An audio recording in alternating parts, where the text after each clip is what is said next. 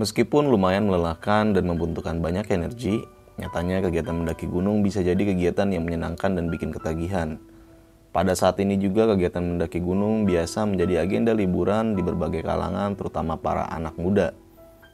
Oleh karena itu, fenomena ini membuat banyak orang berbondong-bondong melakukan pendakian di beberapa gunung yang ada di Indonesia.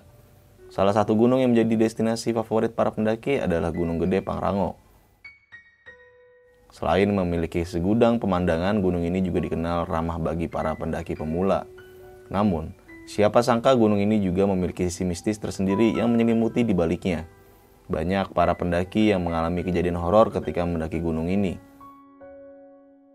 Salah satunya adalah kejadian horor yang dialami oleh seorang pendaki senior bernama Kancil. Ia melakukan pendakian ke Gunung Gede di tahun 2008. Kejadian itu memang sudah terjadi sekitar 15 tahun yang lalu, namun kejadian saat itu masih terekam jelas di ingatan Bang Kancil. Penasaran dengan kisah kelanjutannya seperti apa? Duduk manis, siapkan cemilan, dan selamat mendengarkan.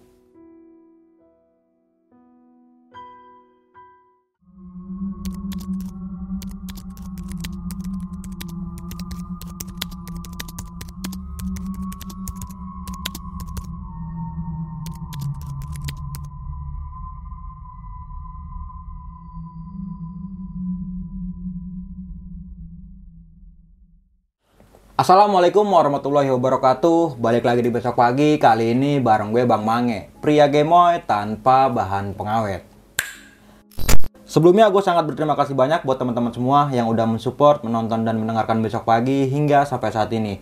Semoga teman-teman semua yang menonton selalu diberikan kesehatan oleh Tuhan yang Maha Esa nih. Kali ini gue kedatangan narasumber nih dan narasumber gue kali ini adalah pendaki asal kota Jakarta Timur nih dan beliau ini adalah salah satu kru atau tim dari Timur Mister ini. Dan pastinya teman-teman semua udah pada kenal nih siapa narasumber gua pada malam kali ini. Oke, langsung aja nih kita sapa narasumber gua pada malam kali ini. Selamat malam seniorku Abang Kancil, Masya. Allah. Alhamdulillah. Alhamdulillah. Sehat ya Bang ya? Sehat abang gue. Waduh, udah lama banget kagak ketemu nih. Siap. Ada tiga bulan ya? Lebih? Kurang lebih. Kurang lebih ah, ya? kurang lebih tiga bulanan. Oke, kesibukan lagi apa sekarang nih Bang? ya kalau sih bukan udah nggak warawiri werwer bang. Karena Iya, sekarang kegiatan bener-bener. kerja sih. Jaga Oh, kebetulan. Alhamdulillah Bang Iya. ya. Alhamdulillah ada kemajuan nih. Iya, Ada- betul. Maksudnya ada kegiatan yang menghasilkan cuan Betul, gitu ya. betul. Nah, terakhir kali kan Bang Ngajeli cerita di Gunung Guntur nih Bang ya. Mm-mm. Wah itu gokil banget sini. Ya, alhamdulillah deh itu kalau gokil ya. Dan pada segmen kali ini Bang Anjil pengen menceritakan tentang pendakiannya di Gunung Gede via Putri nih. Via Lintas Putri. ke Cibodas ya Bang ya. Iya.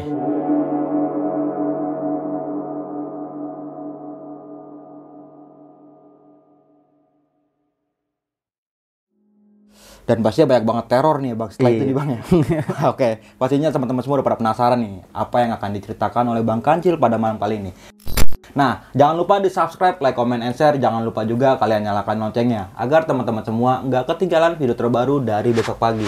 Dan bagi teman-teman semua yang pengen menjadi narasumber di sini, lu bisa langsung aja DM ke Instagram besok pagi. Ada di sini pastinya.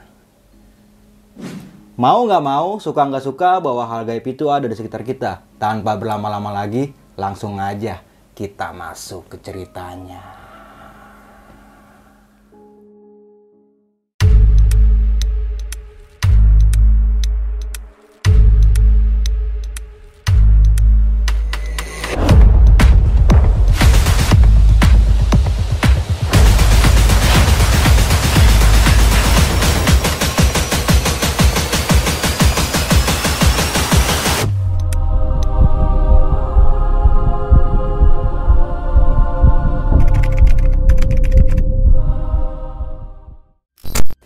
Iya. Jadi gini bang, nih Ogut masuk langsung ke ceritanya ya bang ya. Siap, Ah. Eh, pada intinya sih di pendakian kali ini nih eh, via jalur putri, pendakian Gunung Gede via jalur putri. Itu gue bersama beberapa teman dari Jakarta Timur, kisaran di tahun 2008. Oke. Iya, seingat gue tuh 2008, gue diajak pendakian sama temen gue yang mana emang udah lama gak ketemu nih, salah satu dari rombongan. Ah, Cil, muncak ya udah lama kita nggak naik gunung ada gitu. Udah siap-siap ya bro, kapan waktunya gitu kan. Nah tentuin, akhirnya sore itu juga kita berangkat. Gitu. Sore itu Dadakan kita- gitu. Iya, kita sore emang biasa begitu bang sama teman-teman. Nah sore itu kita berangkat, itu nggak ngumpulin banyak orang. Niat berangkat malah tadinya tiga orang. Nah ternyata pas sampai di halte daerah gua nih, lagi nunggu angkutan umum kita kan ngecer bang itu gue ketemu sama salah satu temen juga nih di kampung itu yang mana teman ini perempuan si Vera. Dia saudara kembar adiknya namanya Ferry. Jadi Vera Ferry ini saudara kembar. Nah si Vera ini turun dari angkot baru pulang kuliah. Nah dia bilang lu mau pada ke mana nyo? Mau pada ke Putri ah. Mau naik gunung. Udah lama nggak ngetrek nih di jalur. Tunggu sebentar gue ikut. Ya telat. Gue bilang gitu kan. Gue mau pada naik angkot nih. Tunggu sebentar kata dia gitu. Itu cewek bang. Itu bener-bener tuh bang. Begitu dia ngeyakinin udah tunggu dulu sebentar. Telat gue bilang gitu kan. Gue mau pada naik angkot nih udah. Enggak bener-bener sebentar tungguin dulu. Akhirnya dia cabut jalan cepet tuh masuk kampung. Itu nggak sampai lima menit dia balik lagi bawa keril gue bilang lu lagi banyak jadwal kuliah masih sibuk fair lu mau ngapain? Udah lu tenang aja bang. Gue lagi suntuk. Nah ternyata bang si Vera ini lagi banyak kesibukan di kampusnya. Yang mana tuh dia lagi banyak pekerjaan pelajaran tuh soal uh, skripsi Ah, ah. nah gue bilang lah lu lagi banyak kerjaan soal skripsi kenapa lu mau naik gunung ah gue mau suasana baru bang Puyeng kali bang. bisa jadi Iya. Ah, ah. Susah itu kan. Iya. Nah, tapi di rombongan nih tadinya gue bertiga jadi berempat nih. Si Vera ini cewek sendiri. Nah, di halte tuh kita ngobrol sama teman dia tuh bisik-bisik gimana nih Nyo? Udah gas lah, tibang si Vera. Kita udah kenal lama kok namanya satu kampung. udah kita nggak khawatir sama dia mah. Udah pernah naik gunung juga kok kata gitu. Udah, kita akhirnya stopin angkot, kita menuju Pasar Rebo. Dari Pasar Rebo kita lanjut perjalanan dari Pasar Rebo itu kita naik bis jurusan ke biasa ada tuh ke Cipanas, Pasar Cipanas. Yang mana kita di perjalanan bis itu kita udah janjian sama salah satu senior, bisa dibilang ranger Gunung Gede lah ya. Itu kita biasa tuh langganan udah senior, Kang, gue nunggu di pasar ya di Cipanas. Dia pakai motor turun dari Cibodas nyusul kita nyerahin si Maxi. Ini buat nanti lo naik lewat jalur Putri. gitu. Udah bayar transaksi segala macam, si Maxi kita ambil. Terus dari pasar itu kita lanjutin ke Putri itu naik angkot lagi, angkutan kuning itu bang. Iya. itu kita berempat Fik. Jalan jalan jalan jalan. Sampailah kita nih di jalur di pos pendaftaran tuh. Nah sampai situ kita serahin segala macam. Itu cuaca udah nggak bagus bang. Cuaca tuh sore itu udah mendung udah gelap. Waduh gimana nih? Apa kita ngeres dulu? Kita pagi baru cus. Si Vera ini bilang nanggung bang udah ngetrek malam aja. Wet siap. Gue bilang gitu. Jalan lah kita nih di malam itu. Kita naik itu kisaran jam setengah enam. Setengah enam sore lah. Nah gue bilang sama teman-teman "Ah, boleh dah kalau mau ngetrek malam cuma nunggu maghrib dulu. Nah kita di pos tuh lama tuh. Di pos Putri. Ah. nah kita situ ngobrol kongkos sekalian nunggu ajan maghrib kita sholat maghrib dulu di situ. Nah habis setelah sholat maghrib kita berangkat itu naik gunung. Kita start pendakian dari jalur putri tap tap tap tap. Itu dikucurin tuh hujan tuh. Dari gerimis sampai deras tuh hujan. Ketemu di pos buntut lutung kita ngeres di situ sebentar. Kisaran 20 menit gue ngeres. Nggak lama lu. Di situ gue cuman ngeluarin nesting. Yang mana gue masak air doang. Itu buat kopi dua gelas. Ah. buat kita berempat nyediain cuma dua gelas doang. Jadi biar nggak wa- makan waktu lama gitu bang. Gue ngopi dua gelas sembari makan coklat segala macam cemilan lah ya itu ada sosok pendaki tuh suara langkah kaki di kegelapan tuh lewat. Gue bilang ada pendaki nih bro. Center center center gue bilang di center dia sama Vera. Halo bang. Kok nunduk aja? Dia nangis cengeng loh. Digituin sama si Vera dibercandain lah. Tapi di- dua pendaki ternyata dua pendaki. Dua pendaki ini lewat cowok dua-duanya. Itu lewat yang satu nangis nunduk aja bang sembari nangis. Soalnya kenapa gue bilang nangis? Dia sek-sekan bang. Kayak ya sewajar orang nangis gitu iya kayak Gitu gitu, ya? nah dia jalan tuh jalan nundukin palanya karena malu mungkin Vera senterin mukanya karena lagi nangis dicengin sama Vera. Dia nangis lu gitu kan. Cemen lu gini lah gitu kan. Semangat bang semangat gitu kan. Dia turunnya tuh diikutin nggak jauh tuh jarak dari belakangnya. Itu ada temennya cowok tegang banget tuh cowok. Bang ngopi. Gua angkat kan gelas gua tuh hujan-hujan. Bang ngopi. Kagak nyaut nggak senyum. Jadi nggak ngelawan bicara gua nih gitu kan. Dia jalannya berdua selang lima menit tuh turun lagi tuh suara langkah kaki. Yang mana ternyata itu dua ranger bang. Oke. di belakang dua pendaki itu selang lima menit tuh dua ranger lewat. Lintas di hadapan gue tuh di pos buntut lutung. Bang kancil ada suara orang lagi nih langkah-langkahnya. Center center fair gelap kesian kasih jalan gue di center aja Vera ayo bang semangat. Nah ternyata itu ranger. Wah Kang kirain siapa? Gitu kan. Kan penampilan ranger sama kita kita orang beda nih. Ah, dia mah udah terbiasa kan di gunung Kang keren siapa? Gitu kan. "Eh, ya ah punten. Eh, mau naik ini mau muncak. Iya Kang. Ya udah jalur aman kata dia gitu.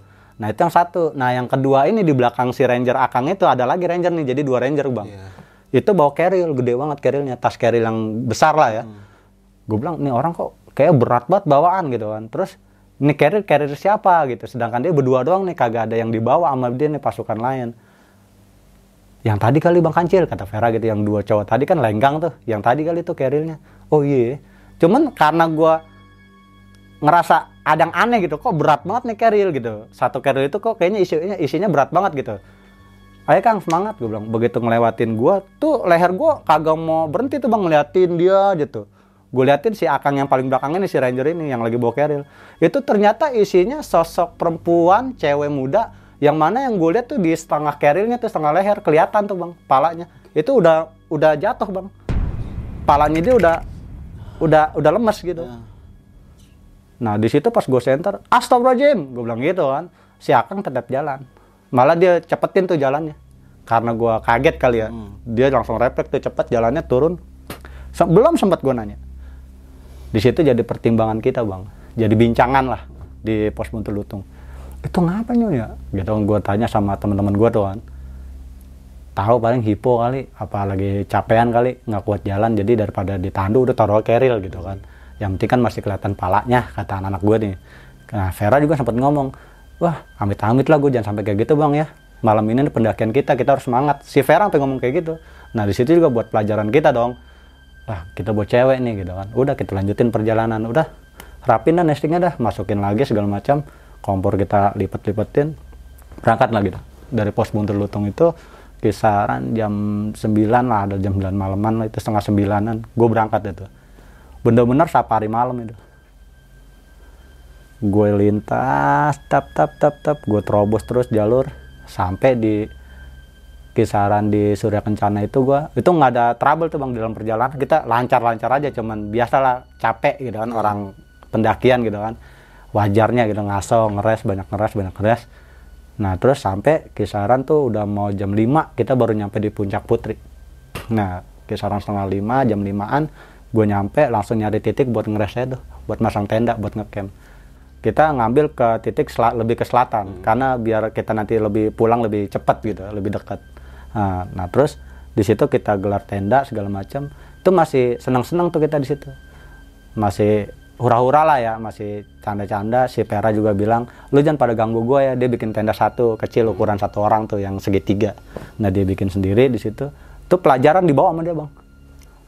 Jadi dia emang kayak orang niat 100% gitu dia mau belajar di gunung gitu. Dia mau iniin lah pikirannya gitu kan biar nggak penat mungkin dia di alam gitu. Emang itu mungkin udah jalannya dia ya. Lu jangan ganggu gue bang ya. Ternyata ya dia di dalam tenda itu belajar soal skripsinya itu dia belajar di situ. Kita nggak ada yang ganggu. Paling kalau jam makan siang kita kasih atau kita tegur dari luar Fer lu mau kopi atau teh? Gue bikinin atau susu. Dia minta kita bikinin gitu doang. Kita nggak bisa ganggu dia karena dia lagi ngerjain tugas gitu doang. Udah.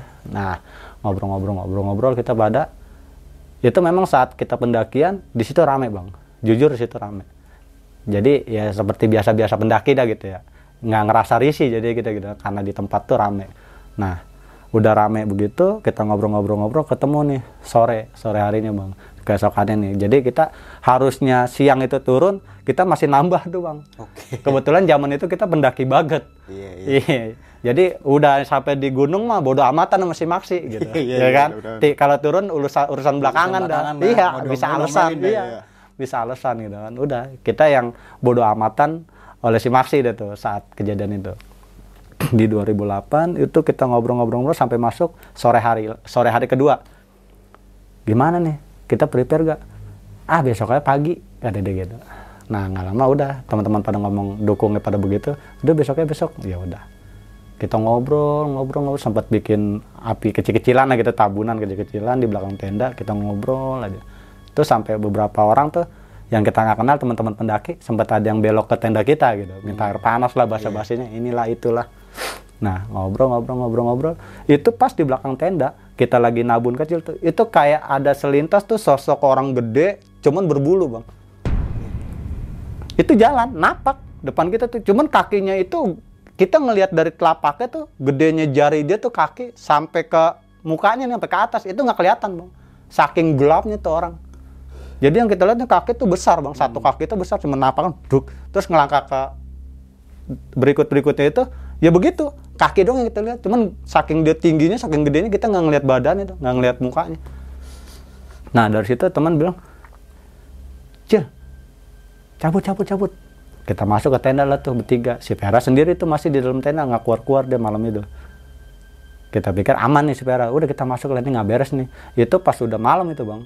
Dari sore itu kita ngumpulin ranting-ranting buat kita bikin api unggun lah kecil-kecilan gitu ya, di belakang tenda. Nah malam itu serangan itu datang nggak tahu gua mungkin sosok ini ngerasa keganggu atau apa gitu kan. Apa memang itu jalurnya dia gitu kan. Jadi yang gue lihat tuh gedenya kaki tuh berbulu tapi hitam. Itu kaki dong yang gue lihat gede banget. Jalan begitu bang. Nah dari situ udah cabut-cabut cil. Nah masuk ke tenda itu kita udah suges udah suges masing-masing dah tuh udah nggak karuan gue juga udah ketakutan gitu. Udah deg-degan lah gitu. Gue bilang ada apa nih? Gue ngerinya sih si Vera nih. Karena dia di tenda sendiri gitu kan cuma samping-sampingan doang terus sempat teriak si Vera gue bagi ini dong tisu basah kata dia gitu kan. Stok gue habis nih ntar aja Fer pagi gue bilang. Itu kita nggak berani keluar gara-gara jam setengah sembilanan gitu kita ngeliat itu ngeliat kaki itu langkah-langkah itu gitu. Nah jelas kita lihat itu kita masuk ke tenda ngobrol tuh. Men kalau buat yang tadi kita lihat jangan kita ulas ke Vera ya. Kalau dia datang ke sini ngobrol lain aja. Itu kata teman gue tuh yang satu. Iya wan gue bilang. Udah kita ngobrol biasa dalam tenda nggak ada yang berani keluar itu nggak lama si Vera tuh teriak-teriakan kayak orang lagi ngobrol gitu kayak ada temennya. Dia ketawa cekikannya gitu gede banget dia ketawa. Hahaha dia. Terus dia bilang ya pokoknya dia kayak orang lagi bercanda lah gitu. Doi bercanda men sama siapa tuh ramai banget katanya di tendanya. Kata anak gue nih si Wawan tuh. Udah gue masuk deh tuh. Gue bilang coba aja kita keluar dah kita samperin. Ayo. Itu gue bawa bawa senter sepi di luar bang pas buka tenda tuh ngelongok dari luar gitu dari dalam tenda. Itu sepi. Hmm. udah gelap gitu udah malam. Terus sepi gue langsung balik ke kiri. Nengok ke kiri itu tenda dia doang. Kagak ada orang. Tendanya si Peran ya. Mau nggak mau kita bertiga nih serangan pajar lah kalau orang bilang ya. Iya. itu kita langsung rombongan kerjasama langsung gedor-gedor tendanya si Pera Per lu nggak apa-apa. Itu dibuka sama dia. Sini lu masuk. Tadi ada yang ngobrol sama gua nah di situ kita ngeraguin lagi gitu bikin kita down lagi ngobrol. Udah coba-coba masuk masuk kita nundukin pala kita masuk. Kagak ada orang Fer. Lah tadi ada di sini nih tiga orang. Katanya dari tenda sebelah. Tenda sebelah mana? Tenda kita nih dua di sini Fer. Di bawah baru tenda-tenda lain. Kagak ada lagi di sini. Gue bilang ah lu jangan bikin gue suges gitu. Lu keluar aja deh gue bilang dilongok. Anjrit maksudnya apa nih? Di, di center sama Vera diri kita berempat bareng-bareng keluar dari tenda dia tuh berdiri. Karena space tenda dia tuh kecil. Dia keluar diri di center. Anjir itu jangan bikin gue suges deh maksudnya apa nih gitu. benar-benar kagak ada tenda lain tetangga kita tuh sebelah sebelah kita nggak ada bang. Jadi Vera awal dia cerita tadi tuh orang kemari. Nyapa gua terus gue bukain tenda masuk sini bang. Ngobrol dua orang. Nah dari situ udah tuh. Udahlah keep tidurnya bareng-bareng. Nah Vera langsung balik tuh bawa alat-alatnya.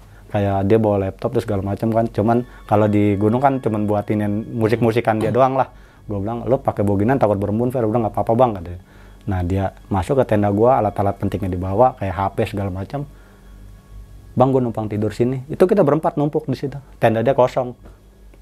Sampai selang pagi gue turun deh tuh lewat gede. Nah gue muncak ke gede foto-foto nyari dokumentasi. Dari pagi-pagi kan kalau di puncak gede kan view-nya masih bagus tuh bang.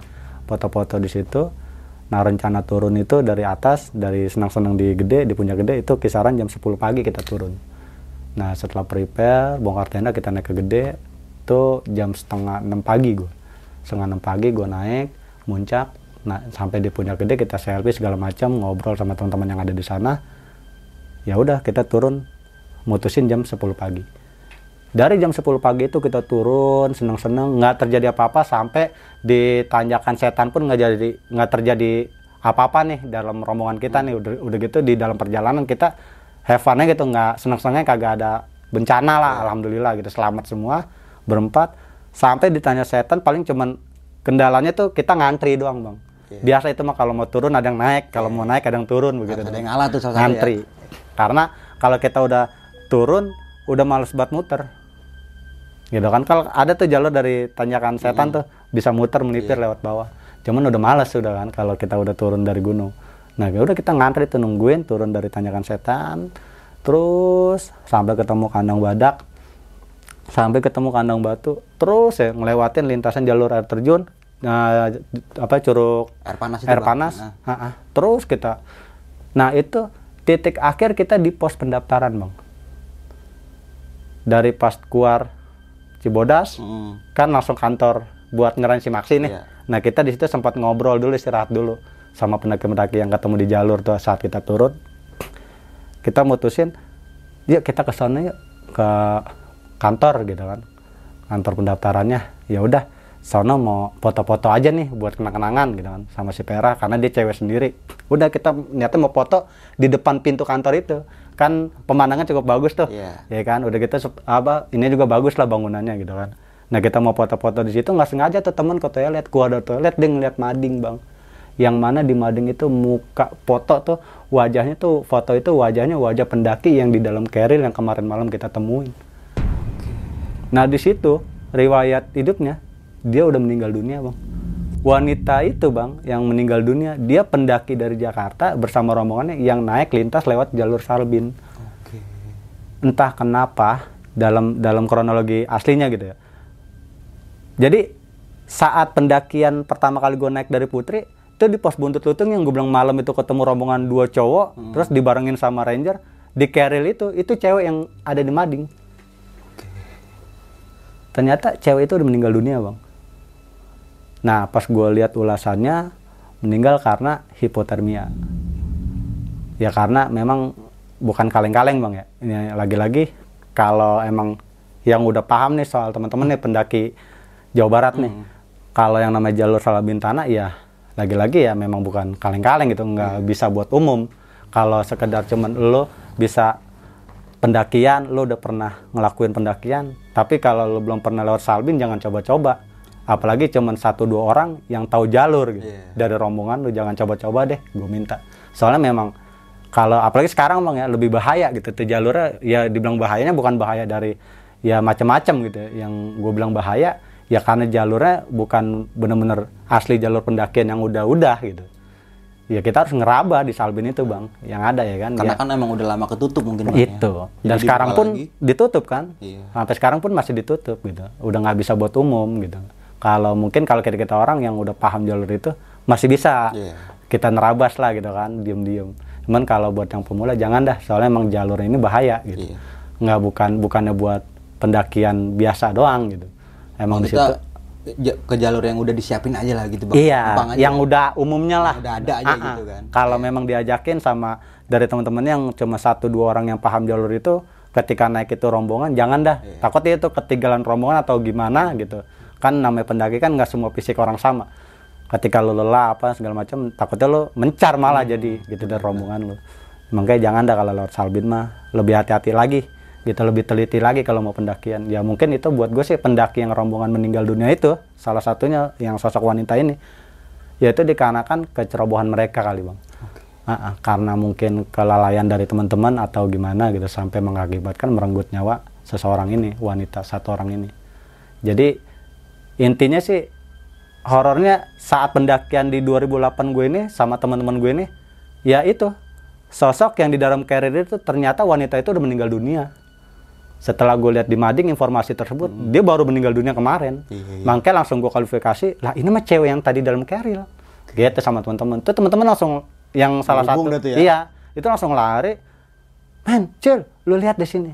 Manggil. Kita lagi foto-foto tuh Iya. bang pas kita deketin mading itu kita liatin tuh wajah. Lah ini emang cewek di bener-bener percis di dalam carrier jadi sosok itu yang gue lihat waktu gue pendakian malam itu bang di dalam carrier nih dia masih nyisa leher nih bang. Hmm, iya, iya. Nah itu pas gue liatin terus Keril itu tuh yang ditopang sama Ranger sama si Mamang itu itu langsung jatuh dia punya pala bang. Kayak udah nggak ada kekuatan gitu udah lemes langsung tok langsung begitu aja. Sembari di, dibawa terus tuh dibawa jalan terus sama si Mamang. Makanya pas gue lihat di foto itu lah ini mah cewek yang itu gitu. Hmm, nah pas lagi ngobrol-ngobrol begitu alhamdulillah bang. Di situ gue ketemu cowok yang malam itu nangis. Oke. dia lagi ngurusin data-data apa gue nggak ngerti. Soal soal mungkin soal almarhum di kantor itu. Dia belum pulang. Dia berempat sama temennya belum pulang cowok semua. Nah pas gue lagi ngobrol-ngobrol soal si foto almarhum ini di kantor itu keluar tuh sos- apa rombongan itu empat orang itu Sebelum lanjut ke cerita, untuk kalian yang ingin menjadi narasumber di besok pagi dan mempunyai cerita horor dalam pendakian, kalian bisa kirim cerita kalian ke Instagram official besokpagi.idv atau melalui email besokpagi.ch@gmail.com. Nah itu ternyata salah satu dari empat cowok itu dengan muka yang sama, sama jaket yang sama nih. Yang gue lihat di pos buntut lutung tuh jalan berdua sambil nangis. Nah di situ gue sama Wawan langsung chill kata Wawan. Itu kayak cowok yang rombongan cewek meninggal ini ya. Oh itu, gue samperin buru-buru. Bang, bang, gue bilang gitu. Sorry nih bang. Langsung gue samperin. Gue langsung to the point tuh bang. Bang, sorry ya. Eh, saya mau ngucapin bela sungkawa bang sebelumnya. Ini yang di Mading kayak foto teman abang yang kita lihat di pos buntut lutung bang. Lah emang abang ketemu sama saya di situ. Lah saya nih si teman saya yang cewek yang ngeledekin abang nangis. Gue bilang gitu, abang yang nangis kan. Iya bang, jadi begini-gini. Akhirnya kan di pos itu kan kita buat menuju ke dalam kan ada anak tangga tuh. Iya. Ya ah, potongan keramik gitu dah ya kan anak tangga di, de- di depan pos pendaftaran itu. Nah ki- akhirnya pada kita duduk di situ. Nah kita duduk, emang gimana bang? Kok bisa sih lu? Aduh parah bang, gue juga jadi ikut ngeri juga nih gue bilang. Awal mulai cerita lu gimana bang gitu kan. Bisa sampai ngerenggut satu nyawa gitu-gitu, nyawa perempuan lagi gitu kan. Nah dia cerita di situ bang. Yang mana kronologinya dia pendakian itu dari Salabintana. Dari Salabintana di 2008 tuh bang. Itu lagi keren-kerennya pendaki 2008 lewat Salabintana lagi keren-kerennya bang.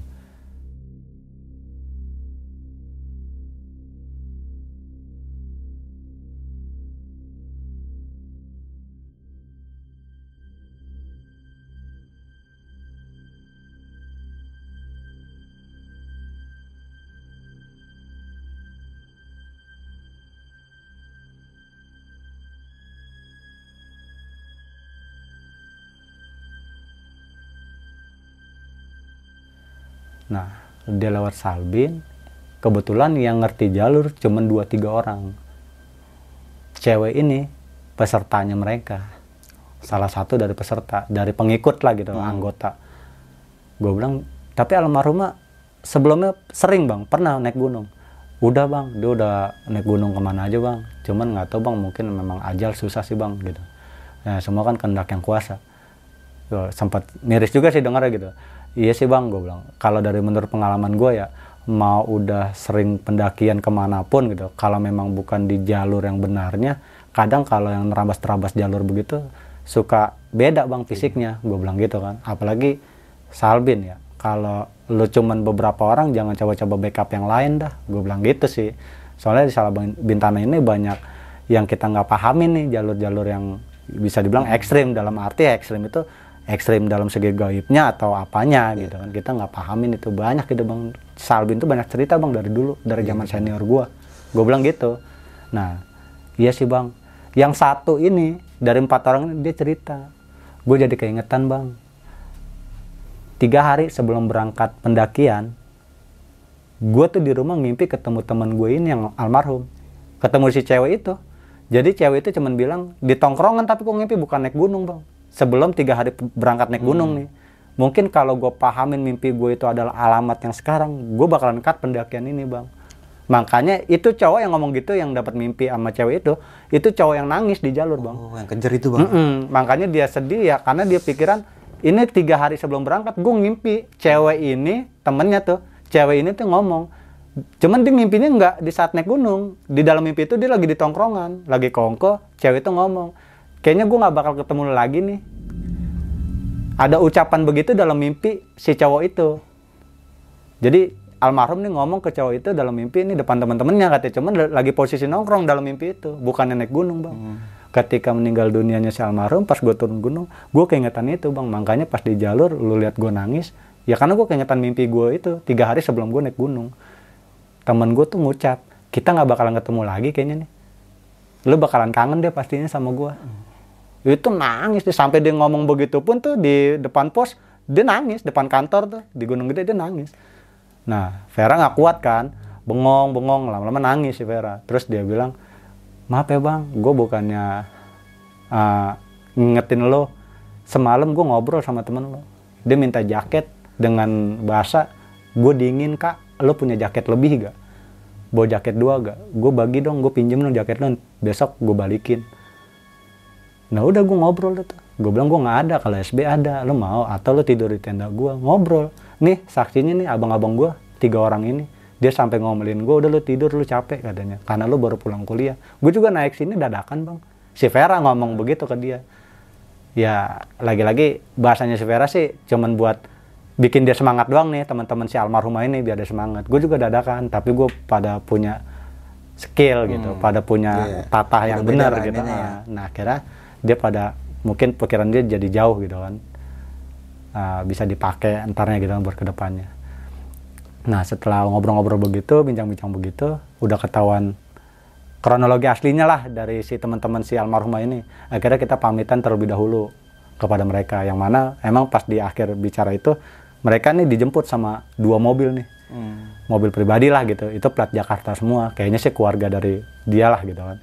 Jemput buat dia pada pulang nah gue pamitan salaman pelukan terus kita cabut tuh turun ke bawah ke warungnya Mang Asep. Dari warung Mang Asep kita prepare bersih bersih sempat makan dulu. Siang kita check out ke Jakarta sampai sore lah di Jakarta. Nah alhamdulillah kita pulang dengan keadaan selamat lahir batin semuanya. Nah, sebelum kita mengulas lebih jauh lagi nih Bang Kancil tentang pendakian Bang Kancil pada tahun 2008 ini, kita doakan terlebih dahulu nih semoga almarhumah ini ditempatkan di surganya Allah taala. Amin. Dan bagi keluarga yang ditinggalkan semoga selalu diberi ketabahan serta diberi kesabaran. amin Dan jadikan ini semua pelajaran ya Bang. Iya. Ke depannya nanti Bang. betul bang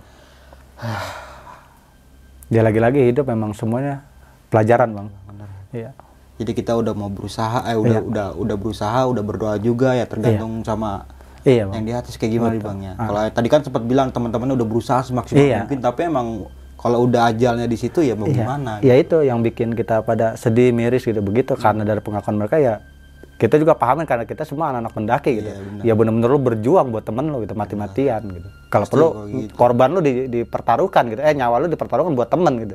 Cuman ya lagi-lagi Allah punya kehendak gitu. Walaupun dia udah secanggih alat apa gimana, udah Iya.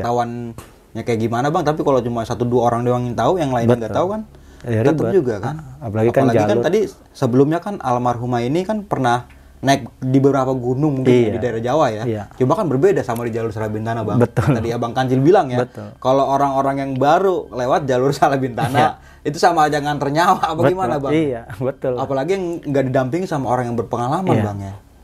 Aduh. Tapi pernah punya kejadian yang menarik ya bang di jalur Salabintana bang? Banyak, cuman lagi-lagi ya naik bareng, tapi bukan gue pribadi yang Ah. punya cerita, yang punya hal-hal mistisnya di Salbin ini malah temen-temen nih. Oh. Ada yang sosok satu temen gue nih, dia lagi cedera kaki, terus ketemu tuh yang namanya pasar setan. Itu di Salbin bang tepatnya. Dia ketemu sosok pasar setan, terus sempat dia ditarik sama uh, jubah merah gitu, Hmm. perempuan disuruh keluar dari tenda, dituntun. Tapi banyak banget kali bang ya kisah-kisah horor yang Iya. di jalur Salabintana nih ya. Betul. Itu kan itu kan jalur terfavorit di tahun 2008an itu bang ya. Wah itu Salabintana ya. udah dari tahun jadul kali itu. Iya. Itu sebelum ada mungkin sebelum ada jalur Cibodas apa? Apa udah ada bang? Udah ada sebenarnya jalur cuman memang ah, lebih ke adrenalinnya bang. Oh, lo kalau naik Putri Gede Pangrango kalau belum lewat situ belum epic belum, lo. belum ini ya, belum keren epic, ya belum gitu keren. ya. Di zaman itu bang. Iya. Tapi kan kalau zaman sekarang, waduh, jangan coba-coba dah. Jangan bang ya. Jangan deh kalau cuman buat iseng doang, Jom. terus cuman buat sosok doang jangan deh. Ya tapi kan si yang pas lu sempat pas baru lu kan naik malam nih bang nih, habis maghrib lu trek ya. Itu sampai surken jam berapa bang? Itu sampai susurkan kisaran setengah lima pagi jam lima lah gue taruh. itu sedang dingin dinginnya itu ya. itu hujan pula bang.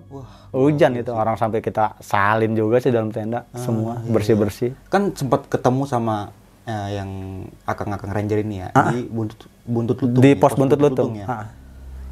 Itu eh, gua nggak ngebayang sih bang jadi lu eh, kan orang kalau di dibawa sama keril ya. Ah, ah. Berarti kan kalau emang dia udah kata tadi leher sampai patah begitu kan sampai kayak udah klak gitu. Iya. Cuman kan saat malam itu kan kita lagi posisi mau muncak nih, lagi baru mau Iya. pendakian. Kalau kita ngerinya salah ucap nih kalau kita ngomong Meninggal tuh. iya meninggal tuh ya kita ngerinya kenapa-napa takutnya kan kita lagi di jalur soalnya lagi di jalur takutnya imbasnya ke kita gitu kan ada bukan mitos sih gue percaya itu kan ada uh, omongan begini loh setiap kita melakukan hal suatu hal apa pun kebaikannya jangan ngomong sembarangan gitu kan Jaga ya omongan. eh jaga omongan sikap gitu kan jaga Sampai kan tadi sempat Ranger bilang nih ya, jalur udah aman kalau mau naik. Iya. kan seperti gitu juga ya. betul itu ngilangin sugesti kita terhadap Iya, iya benar-benar paham paham kalau kayak gitu ya. Mungkin tapi aduh bang. Ya. Lagi-lagi wah musibah sih bang ya kan di mana mana pasti ada gitu dan yang lebih nggak menurut gua nggak masuk di akal atau logika lagi nih Hmm. tentang si Vera ini sempat ngobrol sama almarhumah nih bang. iya jadi Itu malam berarti di malam kedua ya? malam kedua Di malam kedua setelah pendakian ya? malam kedua kan malam pertama kita ketemu Ah. dibawa dalam keril sosok itu nah malam keduanya kita ngecamp ya begitu si Vera keadaannya dipinta jaket sama sosok tersebut dengan alasan sosok tersebut nih almarhumah ternyata kedinginan Hmm. Nah mungkin si Vera ini pas waktu ngobrol sama itu dia nggak ngeliat sosok yang perempuan di pos buntut lutung mungkin bang. yang di pos buntut lutung malah dia ngeliat karena Tapi- kan tapi dia nggak ngeh kalau itu nggak dia. nge gitu. malah di situ mungkin kenapa ah, ini yang tadi gua ulas ya kenapa kita pada ngekip meninggal kali itu gitu kan ya karena kita lagi melakukan pendakian gitu masih jauh perjalanan kita Bener baru setengah itu ya. iya masih jauh Seperempat perjalanan kita jalan Iya. itu. jadi kita nggak mau asal ceblak kayak lah gitu kan asal ngucap aja gitu Oke, thank you banget Bang Acil nih udah pengen berbagi pengalaman pendakiannya nih. Dan jangan lupa nih setelah nonton video ini langsung aja nih mampir ke YouTube-nya Bang Kancil Timur Misteri Bang. Ya. tapi cerita ini juga pernah ada di Timur Misteri sih bang Oh pernah udah ada. ada? Oh, iya iya iya. nah itu ah, kalau umpama di sini kurang jelasnya gitu atau gimana Bisa langsung aja ke Iya, bisa gitu langsung ya. ke Timur Misteri Ya, aja. maklum lah tahun 2008 Bang. Siap. Sampai sekarang udah berapa tahun mungkin Iya. agak-agak lupa apa Betul. lewat gitu kan. Ya Iya. namanya manusia kan. Tidak luput dari salah dan dosa. Bang. Betul, Bang. Bener Bang ya. Nah sebelum kita mengakhiri video kali ini Bang Kancil punya teman-teman nggak nih? Eh Bang teman-teman. Nah sebelum kita mengakhiri video kali ini Bang Kancil punya pesan-pesan nih buat teman-teman semua. Ya. Terkhusus pendaki-pendaki yang baru mau mencoba naik Ya. gunung nih sekarang-sekarang ini. Kalau buat pesan-pesan kali teman-teman lebih pintar dari kita kali anak-anak sekarang bang ya. Aduh. Iya kita sih, malah kan aduh kita apa sih? Gitu Iya, kan. iya, bener. cuman gini aja bang intinya. Lagi-lagi ya buat teman-teman yang baru tadi bang ya yang baru-baru merasakan nikmatnya pendakian. Benar. bukan hanya nikmatnya yang kalian ambil. Makanya coba ukur kehidupan tuh jangan pakai selalu lensa kamera tapi cobalah pakai lensa hati udah gitu dong kali bang gitu dong. siap nah, sedikit sini gue mau menambahkan kembali nih, bahwa saja melakukan pendakian dengan orang yang berpengalaman ya bang. ya. Iya. Dan juga apalagi kan zaman sekarang nih, udah pasti safety dong harus safety dan banyak Iya. kan yang jual-jual tentang kayak jaket, kayak Betul. sepatu, kayak alat-alat pendakian itu udah banyak banget nih di online-online gitu kan. Ya minimal harus safety lah pendakian Siap. nih. harus komplit lah Harus komplit ya dan attitude dan sopan santun juga jangan lupa nih pasti dijaga juga bang. Ya udah, Di mana pun harus. kita berada sopan santun tetap diutamakan ya bang. ya. Apalagi kita kan bertamu ke salah satu tempat yang belum pernah kita jelajahi. betul Emang hutan kan emang tempatnya dia bang. ya. iya Tapi naik gunung nggak kapok kan ban? Em sekarang nggak nggak kapok. Bu, kalau kapuk mah enggak deh. Iya. Kalau buat kapuk jauh, cuman kalau buat mau nagi gitu mau lagi kayaknya susah sekarang waktunya, Oh Bang. iya karena udah bentuk kerjaan. Tapi pernah ya. nyoba lagi bulan kapan tuh pernah nyoba. Sempet ngerasa down juga tuh sama fisik sendiri. Iya. Ih, gue kayak begini beda sama Kayak dulu ngerasa gitu. udah tua. Iya. Wah, barangan baru 17 gue. Dan mohon maaf banget nih bang, gue cuma bisa mengundang, belum bisa menjamu sebagaimana layaknya tuan rumah yang baik nih bang. Bangko. Oke, mungkin itu aja nih dari gue Bang Mange dan juga Bang Kancil dari Timur Misteri. Gua pamit undur diri sampai jumpa di video-video selanjutnya. Assalamualaikum warahmatullahi wabarakatuh.